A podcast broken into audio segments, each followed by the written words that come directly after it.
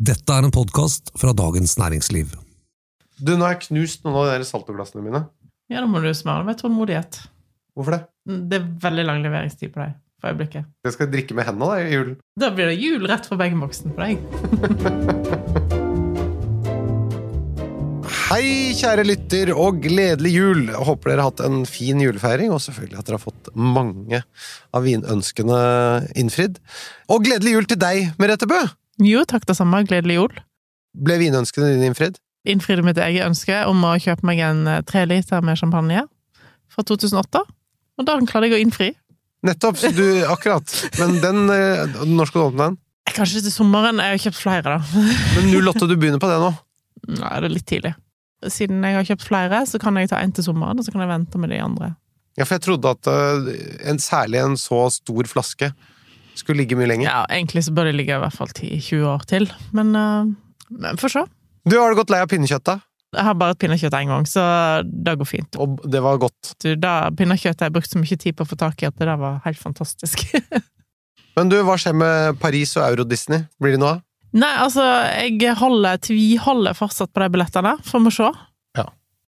Men du, i dag så har vi igjen vår faste spesialepisode, nemlig lytterspørsmål, der vi altså da svarer på spørsmål fra lytterne. Og det kommer veldig mange spørsmål, og det er kjempehyggelig, og som jeg har nevnt før, det er ganske inspirerende å lese. Altså, jeg, jeg får rett og slett lyst på vin av å lese de spørsmålene. Det er veldig kjekt å se hva folk tenker. For det er ikke så lett å sette seg inn i det, i hvert fall ikke når du sitter og jobber med vin hele tida, og da skjønner en ikke helt hva folk har lyst til å vite mer om. Men jeg syns det er veldig mye smarte, kompetente og gode spørsmål, Eh, så det gleder jeg meg til eh, at du skal svare på de. Ja. Og jeg må si, det blir flere og flere spørsmål hver gang, så hver gang vi går mot en ferie, så tetner det seg til i innboksen vår. Det er omtrent sånn som det er på E18 i begynnelsen av juli. Og det er ikke fordi vi driver og skal reparere mailboksen vår akkurat rundt ferien, sånn som myndighetene driver med med E18. Her er det utelukkende fordi trafikken øker. Skal vi bare gå rett i gang da, Merete? ja, absolutt. Og husk på det at viner som nevnes i dag, de står som vanlig i episodeinfoen, så du slipper å notere.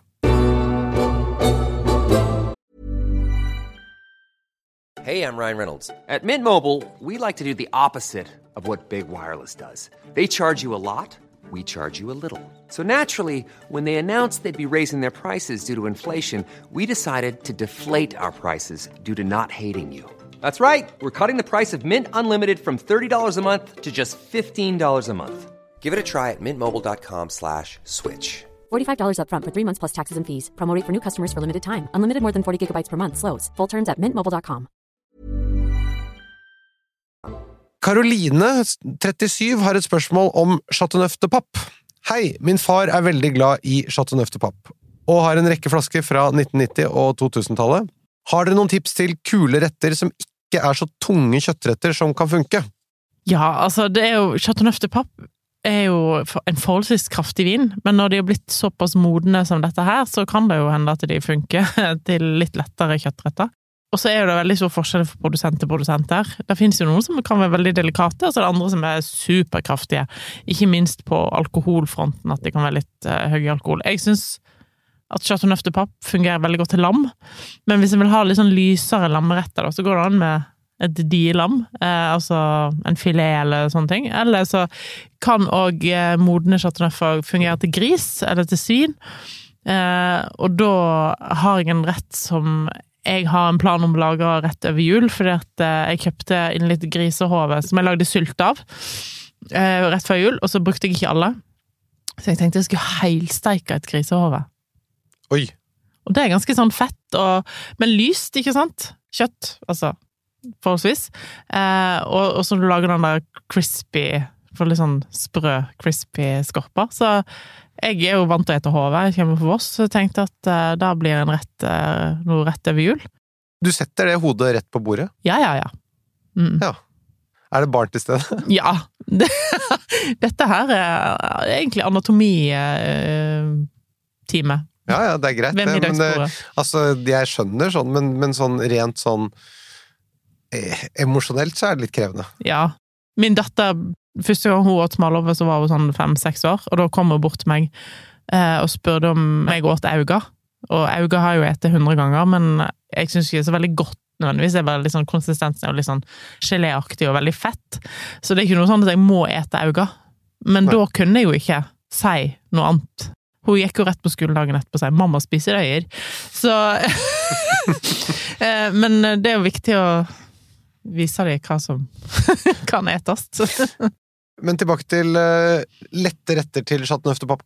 Er det noe du kan anbefale som ikke er kjøtt i det hele tatt? Eh, Da må det være en sånn god grønnsaksrett, med mye aubergine og squash og litt sånn langtidskokt, eller langtidsstekt eller varmebehandla grønnsaker. Ja. Som blir for, for en sånn sødmefull, rik karakter. Ja. Til chateauneuf de pape. Ja. Modne. Modne, Ja. ikke unge. Nei. Ok, Karoline. Da håper jeg du fikk noe å velge. Mm.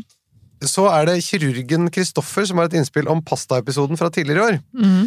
Hei, Merete og Thomas. Når jeg skal høre en podkast om vin til pasta, skal jeg ikke få tips om viner til 120 kroner etc., da vil jeg selvfølgelig ha tips til de beste vinene, og de koster ikke 120 kroner. Ellers en fin pod, men her vil jeg ha de beste tipsene. Hilsen Kristoffer, kirurg.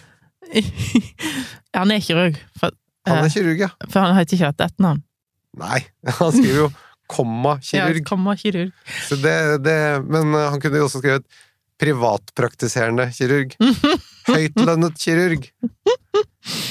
Ja, altså, jeg kan ikke huske at vi har Men- anbefalt viner til 120 kroner. men- Nei, det var det jeg skulle si. Altså, jeg må bare si her tror jeg jeg skal påta meg litt av skylda. Fordi jeg insisterer på at vi skal ha også noen billige viner. Fordi du skal jo ikke beskyldes for å anbefale for billige viner, Merete. Så jeg, overfor kirurgen, så er det bare å legge seg flat. Jeg beklager at det her har sneket seg inn en billigvin inn i miksen. Eh, men jeg antar at Merete som vanlig også hadde noen oppunder 1000 kroner, for det er jo ikke sjelden du driver med. Det, det er litt Jeg skjønner at jeg er litt topptung. Du er litt topptung.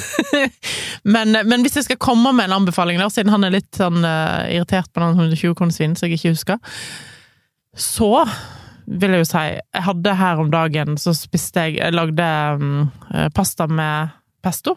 Jeg er ikke sånn veldig glad i pesto, egentlig. Men når du lager en god Altså, kjøper ikke sånn ferdig glass på butikken. Hvis du lager en fersk pesto hjemme Jeg må, jeg må bare skyte inn det at eh, de har ofte en sånn bismak som ikke er noe god. Ja, så litt sånn bitter eh, Det, det, noe gressete, Ja, et eller annet, og noe industripreg på en eller annen måte, som sikkert er noe konserveringsmiddel eller hva. Ja. Så det handler ikke om å være jålete, men det er rent smaksspørsmål. Mm. Rent smaksspørsmål at det å lage den selv, det blir en helt annen smak, som oftest. Mm.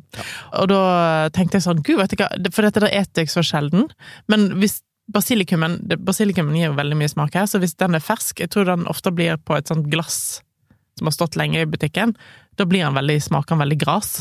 Men når du lager den fersk hjemme, så smaker den jo basilikum. Eh, og eh, da tenkte jeg, gud, hva går til dette her egentlig? Så hadde testa jeg tre forskjellige viner. Eh, Barbera. Dødsgodt. Helt fantastisk med Barbera til. Og, Barbera med hvilken alkoholprosent? Eh, Den var faktisk litt for høy, men det var en veldig god produsent, og jeg skal nesten ikke nevne produsenten her, for jeg får ikke tak i den. Kom igjen, da. Eh, Giuseppe Rinaldi sin Barbera fra 2019. Ja, det var råflott, ja. Jeg smakte òg, for jeg hadde den åpent, bare for å sammenligne med to. Det var toppbarbereren til Skarpa, Ok. eh, som koster rett under 500 kroner. Så Heller ikke billig for en Barbera. nei, det er kanskje en av de beste barbererne på markedet i Norge, som du alltid får tak i. Dette Men- liker kirurgen. Ja, eh, du skulle tro det. Eh, Og Skarpa har jo òg en rimeligere barberer til eh, 270. Ja, men det er ikke kirurgen interessert. Nei. Han vil ha det beste. Så da vil jeg si det er en ganske god allround-vin, da. Så dette var, det var rett og slett bare barberer du vil reise kjerringa med her? Ja, eller jeg prøvde, jeg prøvde en Freisa, eh, som òg er en vin fra Toskana. Og jeg prøvde en eh, Pinot, men jeg syns at uh, Barberaen var det som jo, men dette var jo til den konkrete retten, da. Ja. Men, uh, men Barbera er en veldig god allround-vin òg til pasta, tenker jeg. Ok, Kristoffer. Jeg håper du kan ta imot dette tipset, og at du har oss unnskyldt for at det snek seg inn noe billig skrot inn i miksen her. Så er det Christian som har et spørsmål om digg naturvin. Hei, M og T. Christian her. Jeg er hypp på den diggeste, mest juicy naturvinen på markedet. Er jo en jungel av fargerike etiketter og et lovløst domene. Vet dere er litt skeptiske, men tror likevel dere kan gi meg det beste tipset. Hvem har den diggeste naturvinen? Hilsen K. Det må gå an å svare på. Vanskelig å gi ett svar her. Det er jo mange som er gode, det blir reinere og reinere, og da er det jo eh, gode viner. Men da er det nesten så det ikke omtales som naturvin lenger Nei, sant, for det med en gang det blir sånn eh, hva, Definisjonen på naturvin, det er jo ofte de som smaker ganske godt, er kanskje ikke så ekstreme lenger, ikke sant? Eh, så eh, ja. For det første, nummer én, det er ingen faktiske krav for å kunne kalle en vin naturvin. Så det må være summen av en del måter å, å, å dyrke og lage vinen på, Mm. eh, som definerer om det kalles en naturvin eller ikke. Mm. Men teoretisk sett da, så skal man jo kunne lage den vinen ut ifra de kriteriene som brukes eh, når man snakker om naturvin. Hvis den da smaker helt rent, altså som en vanlig vin, at du i en blindsmaking ikke ville tatt den som en naturvin, er det da fortsatt en naturvin? ja, det er jo det.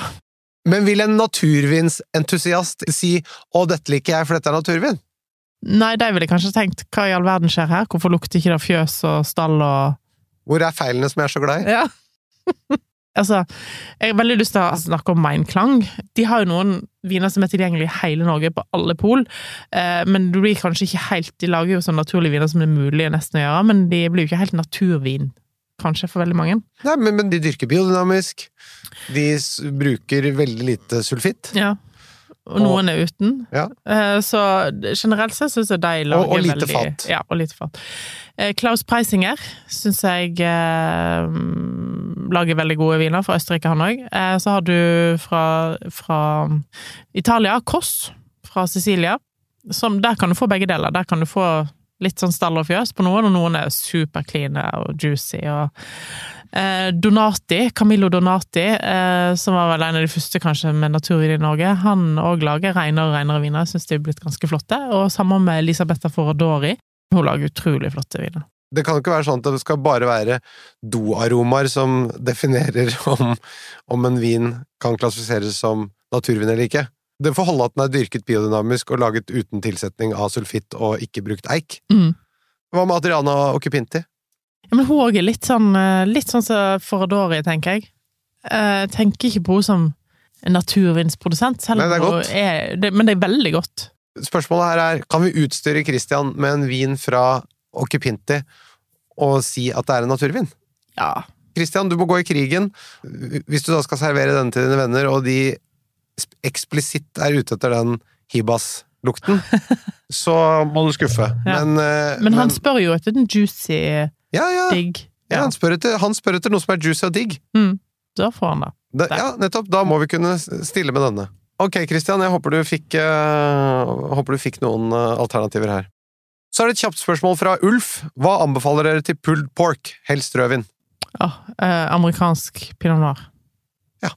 Jeg kan gå litt mer spesifikt til verks. Land of Saints, Ok, pinot noir. pris? 2,90. Ja. Grunnen til at du anbefaler den? Jeg syns han er utrolig sånn ren og delikat og alkoholsvak og juicy og fra Santa Barbara. Nei, veldig godt. Ja, ikke så mye tannin og mye fruktsodd. Ja. Høres ut som en perfekt vin til pulled pork. Håkon Emil har et spørsmål om syrlig vin. Hei, Merete og Thomas. Jeg drakk en flaske hvitvin, nærmere bestemt eh, Klaus Preisinger, kalkunkiesel. Mm. Jeg fant denne ekstremt syrlig, men veldig god ettersmak når syrligheten hadde dempet seg litt. Jeg hadde ikke noe mat med vinen. Er det her feilen ligger, at jeg burde hatt mat for å utjevne? spørsmålstegn? Jeg lurer samtidig på hvilke matretter en anbefaler til veldig syrlige hvitviner. Lærer mye. Hilsen Håkon Emil. Ja, altså, nå husker jeg ikke den helt som så syrlig som han sier. Nå må du huske at uh, det er jo en yrkesskade at uh, sommelerer liker mye syre. Mer enn de aller fleste. Nei, for du, du, du smaker så mye, og du blir veldig sånn Du ønsker at alt skulle ha, ha veldig høy friskhet, da. Det er vel derfor mange somulerer er veldig glad i Rieslinger, for eksempel. Mm. Pluss at det er en av de mest matvennlige vinene.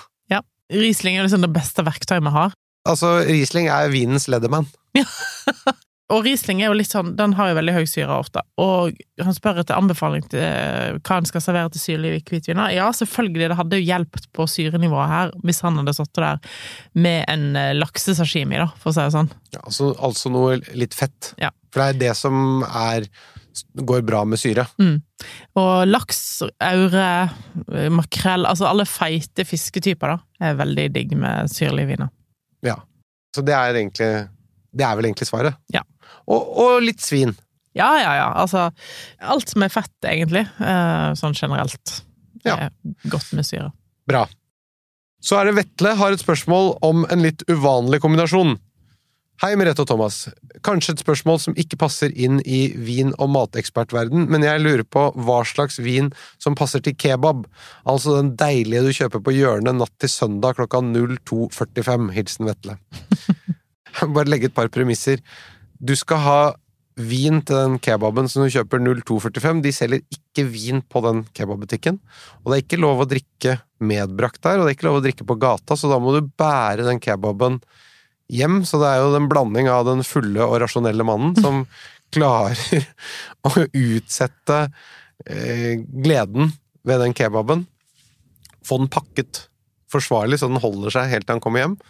Men da, hva slags vin er det da du skal drikke med dette? altså det, det krydrer kjøttet som er i kebaben. Jeg tenker jo at det da er godt til Jeg ville jo hatt litt sånn moden, kraftig rødvin, eh, som har litt av de samme kryddertingene. Altså, jeg ville hatt en musar, for Ja. eksempel. Nettopp. Musar eller um, veinert. Moden, uh, digg, kraftig rødvin uten Som har litt sånn avslipte tanniner. Ja, for det må du ha. Det spørs om man har mest av den røde eller mest av den hvite sausen. Om man tar hissig rød ja, nei, ikke eller så mye hissig saus. Nei, må være litt forsiktig med det. Ja, ja. Jo hissigere, jo mindre tannin, så da må du over på noe Beaujolais eller noe sånt. da.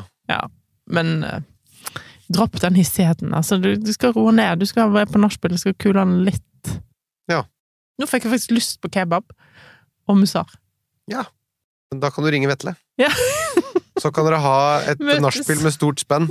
Bikkjekebab og Chateau Musar. Alexander har et spørsmål om produsenten von Bull. Mm. Hei, Thomas og trøffelgrisen fra Voss. Smiletegn. Jeg skal på Riesling-smaking på Bærum kulturhus. Du, Merete, er jo veldig glad i Riesling og anbefaler det til veldig mye forskjellig mat.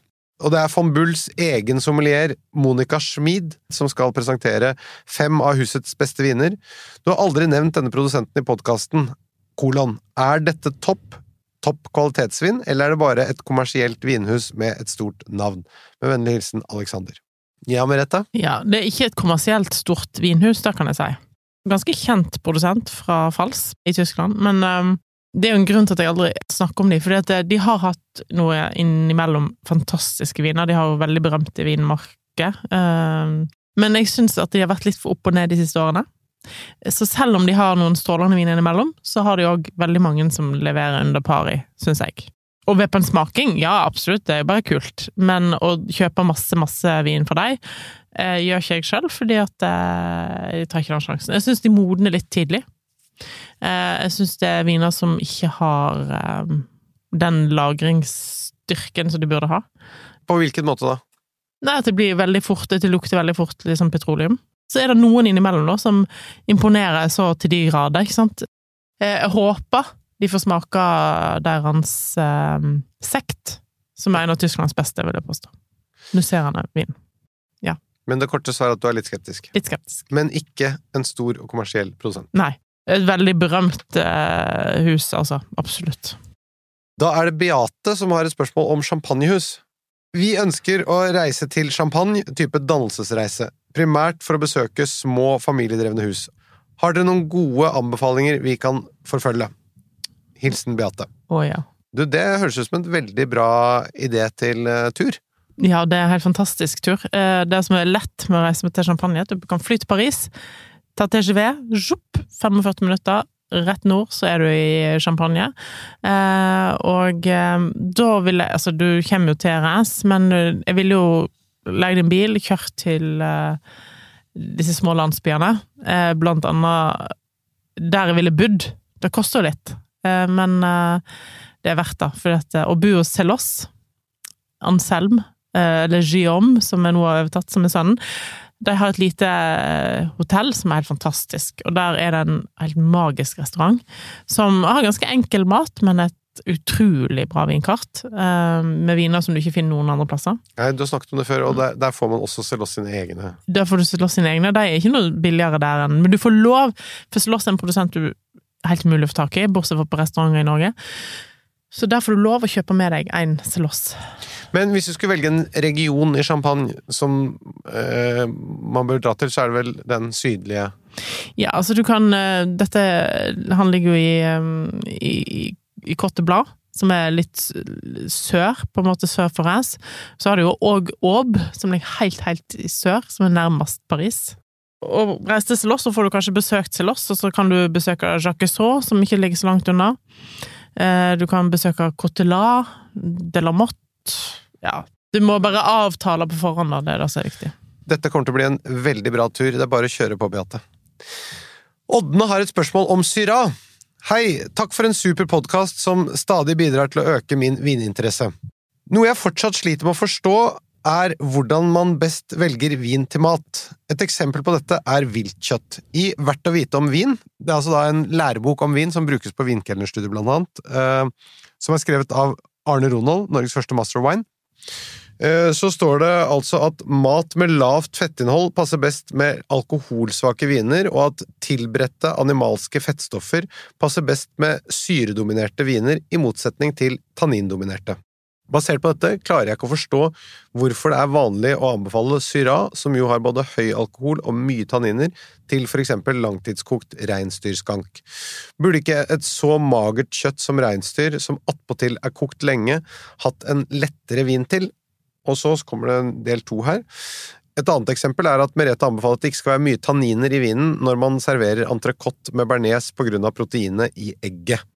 Men det er jo mye mer proteiner i kjøttet enn i egget, så hvorfor betyr proteinene i egget så mye? Takk for svar, hilsen Ådne. Vi må begynne oppe med Syran, da. Han mener vel en sånn eh, langtidsbakt, eller hva du skal si, da. Ja, syran er en sånn drue som eh, kan både ha høy alkohol og lav alkohol. Kan ha lite tanniner, kan ha mye tanniner. Men stort sett ikke veldig mye tanniner i en Syrah. Men Syrah er jo òg aromatisk sett det som passer best til viltkjøtt, så en skal òg ta hensyn til dette, da, ikke bare til protein og fett og syre. Altså, det er ikke all informasjon i disse bøkene rundt omkring som er helt uh, nyansert. For eksempel i en bok som jeg tror uh, veldig mange vininteresserte har, og som har mye bra med seg, det er Winefolly. Der tror jeg det står at syra har høy alkohol og mye tannin. Mm. Men det er ikke helt presist. Nei, det er ikke helt presist. Um, det er ikke en eh, Nebbiolo eller en Cabernet Sauvignon, for å si det sånn. Nei. Eller en Malbec. Men det er ofte litt vanskelig å si på forhånd hvor mye tanniner vinen har, men da går jo an å lese seg fram til. Men for eksempel Norån kan ha ofte ganske lav alkohol i kjølige årganger, og da kan det òg være ganske lite tanniner i vinene. Så litt lettere nordånsk vin, altså for eksempel eh, Cotteron fra nord, som er 100% syra, kan ofte være ganske delikate. Det samme kan San Josef være. Det du snakker om nå, det er de tingene som handler om grunnsmaken og det vi smaker med munnen, men så, så er det de eh, aromakomponentene som er det vi smaker med, eller lukter, egentlig, da. Mm. Og det er vel også en av grunnene til å velge syra, som du var inne på. Ja, altså Syra lukter jo og smaker jo vidda og skog og vilt. Så aromamessig er det udiskutabelt, Mm. og så må du finne en vin som har riktig nivå av alkohol, syre og tannin, og det kan du finne laget på Syrah, men da styre unna kanskje de tyngste syraene, da. Ja, og så finnes det òg på sørkysten av Australia eh, så finnes det òg ganske alkoholsvake, vil jeg nesten si, syrar. Der har de enda mindre tannin eh, enn i rån. Så ja, du må ikke feie syra under bordet. Nei, eller, eller å skjære all uh, syra over en kam. Ja. Det er gjerne også en del syra i viner fra Sør-Ron, men det blir jo noe annet igjen. Ja, nei, der blir alkoholen for høy. Uh, ofte. Og så er det over til dette med egg og vin. Mm. Bare sånn i utgangspunktet er vel egg og, og vin vanskelig. Eller særlig rått egg, eller? Ja, altså, det er jo ganske rått i en bearnés, for det får jo ikke Skal jo ikke gå over Du må ikke over 80 grader. Nei. Så ikke, ikke fullt koagulert egg. nei. Eller når koagulerer egg, egentlig? Det begynner med 67 grader, ikke det? Dette vet jeg ikke. Det ikke- Dette er jeg Jo. ikke sikker på. Jeg, vi- Nå sitter vi her og så later vi som at vi er kokker igjen, så, og dette kan ikke vi alt om. Nei da, men vi koster på oss å uttale oss om det. Det er jo litt som eh, matlaging som eh, sex. Du må ikke være proff for at det skal bli godt. Selv om det kanskje hjelper i noen tilfeller. Altså på matlagningen. Ja, ja, ja. Ja. Men Entrecôte. Ja. Nei, altså eh, Her tror jeg mer smaken av egget, altså proteinene i egg, altså måten de smaker på Jeg kan ikke forklare helt hvorfor de smaker sånn som de gjør, men når du får de sammen med sånn tanninrike viner, så kan det ofte være en sånn krasj. Og da mener jeg særlig sånn Nebbiolo. En ung Nebbiolo vil krasje. Dette er jo bare å prøve. Kan prøve hjemme. Veldig lett. Og så kan jeg for eksempel servere en moden eh, Cabernet Sauvignon eller moden Bordeaux til. Så kan en kjenne hva funker best. Men, men kan du si meg en vin som er god med eggeplomme? Rå eggeplomme? Det, det er ingenting som er godt med eggeplommer. Det er bare mindre dårlig. Eirik har et spørsmål om rød Sancerre.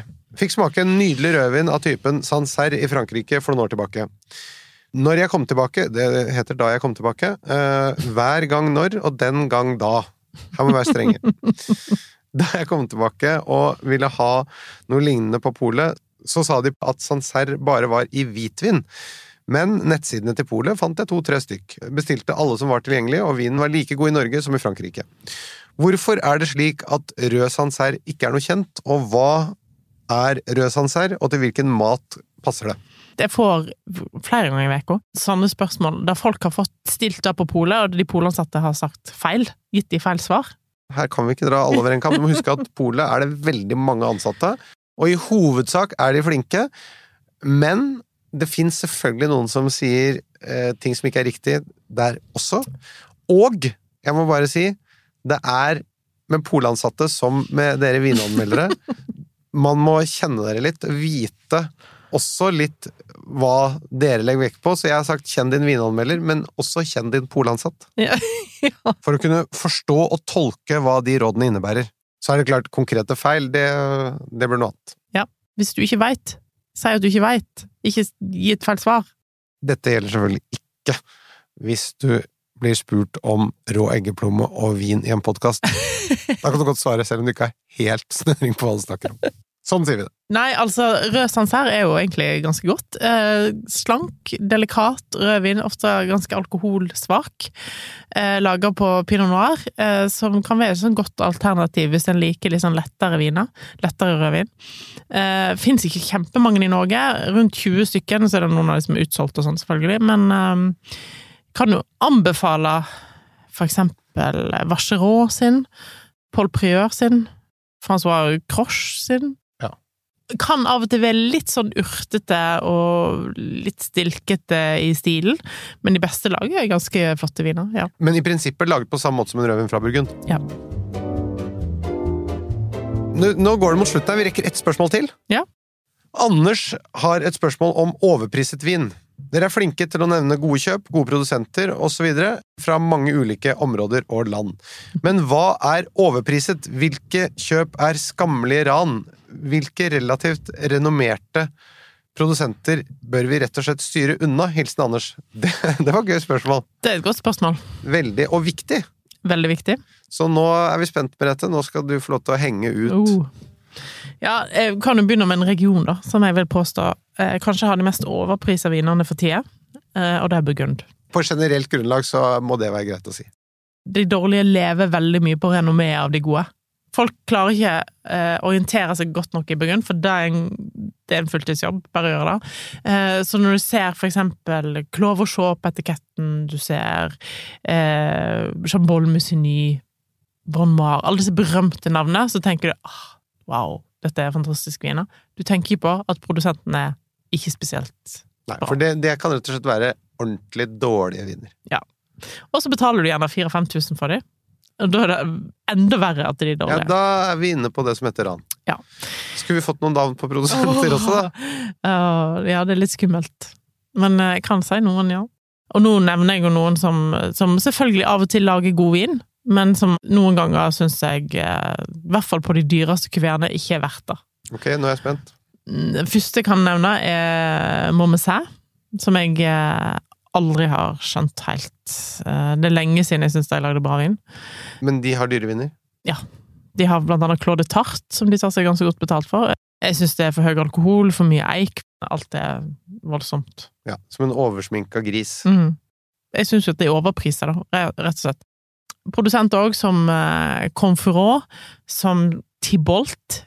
Tibolt syns jeg ikke alltid leverer varene. Innimellom kan han lage en god kuvé, men jeg syns sånn generelt grunnlag så var ikke det de jeg hadde valgt. Nei. Eh, Joseph Durin, som er en stor familieprodusent, eh, veldig berømt og kjent i, i Burgund, kan eh, ofte i sånn village-stil lage ganske ok vin. Når du kommer litt opp på sånn 3000-5000 kroners Grand Cru-viner, så syns jeg ikke at de leverer varene. Eh, samme med Chardot, en kjempestor produsent. Du kan gjøre gode kjøp på de litt lavere kuvertene, men jeg syns ikke toppvinene er særlig bra. Lucien Lemoine kan lage en god Bourgogne Rouge, som jeg av og til kjøper. Du skal være litt kritisk til toppkuvertene hans, da, for å si det sånn. Ja, fordi For jeg syns ofte de har for mye eik. Et eksempel, en gang fikk jeg en blind vin fra Lucien Lemoine. Eh, det var vel å merke fra hans eh, eiendom i eh, Chateau Neuf de Papp, men jeg tok han blindt på eikebruken. Ja, fordi du, du, du bare Det er for mye. Mm. Så hvis du har lyst til å betale topp dollar for å sutte på en trestokk, så er det vær så god. Men hvis ikke, så kan man kanskje lete etter noe annet. Ja. Der syns jeg ofte hans enkleste kuvé er mye bedre, for å være helt ærlig. Her syns jeg du leverer med dette. Ja, det er jo jobben min å være kritisk. Ja da. Prøver ikke å henge ut produsenter. Dette er jo en, litt, kanskje litt smak og behag, men jeg syns min vurdering er at eh, veldig mye Burgund, veldig mye Grand Cru Burgund, er overpriser. Det viktigste er at den er kritisk. Veldig kritisk når en betaler mye penger for eh, særlig Burgund. Det var det vi rakk av innsendte spørsmål for denne gang. Send oss gjerne flere spørsmål til vin.dn.no, så tar vi det med i en senere spørsmålspodkast. Mm. Denne podkasten er produsert av Feelgood for Dagens Næringsliv. Seriens produsent er Halvard Berby, klipper er Rune Mo, og redaktør i DN er Line Blikstad, og programledere er Merete Bø og Thomas Giertsen. Nå skal vi ta oss en aldri så liten ferie, og så kommer vi tilbake litt uti januar. Men godt nyttår, kjære lyttere, og så høres vi senere. Takk for i dag, Merete. Takk for det. Du, nå ser jeg det er over 30 ukers leveringstid, jo. Vi må jo få opp dampen. Det tar jo like lang tid som å bære frem et barn. Og her får man ikke engang gleden av å være med å produsere selv. Nei.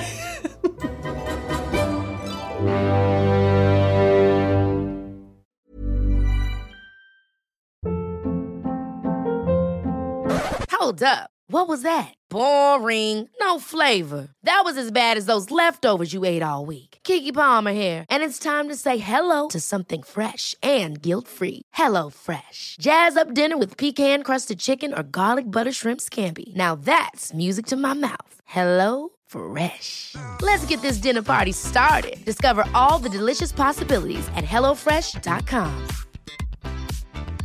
Mom deserves the best, and there's no better place to shop for Mother's Day than Whole Foods Market. They're your destination for unbeatable savings, from premium gifts to show-stopping flowers and irresistible desserts. Start by saving 33% with Prime on all body care and candles. Then get a 15-stem bunch of tulips for just $9.99 each with Prime. Round out Mom's menu with festive rosé, irresistible berry chantilly cake, and more special treats. Come celebrate Mother's Day at Whole Foods Market. Planning for your next trip? Elevate your travel style with Quince. Quince has all the jet setting essentials you'll want for your next getaway, like European linen, premium luggage options, buttery soft Italian leather bags, and so much more. And is all priced at 50 to 80% less than similar brands. Plus, Quince only works with factories that use safe and ethical manufacturing practices. Pack your bags with high-quality essentials you'll be wearing for vacations to come with Quince. Go to quince.com slash pack for free shipping and 365-day returns. Du har nå hørt en podkast fra Dagens Næringsliv.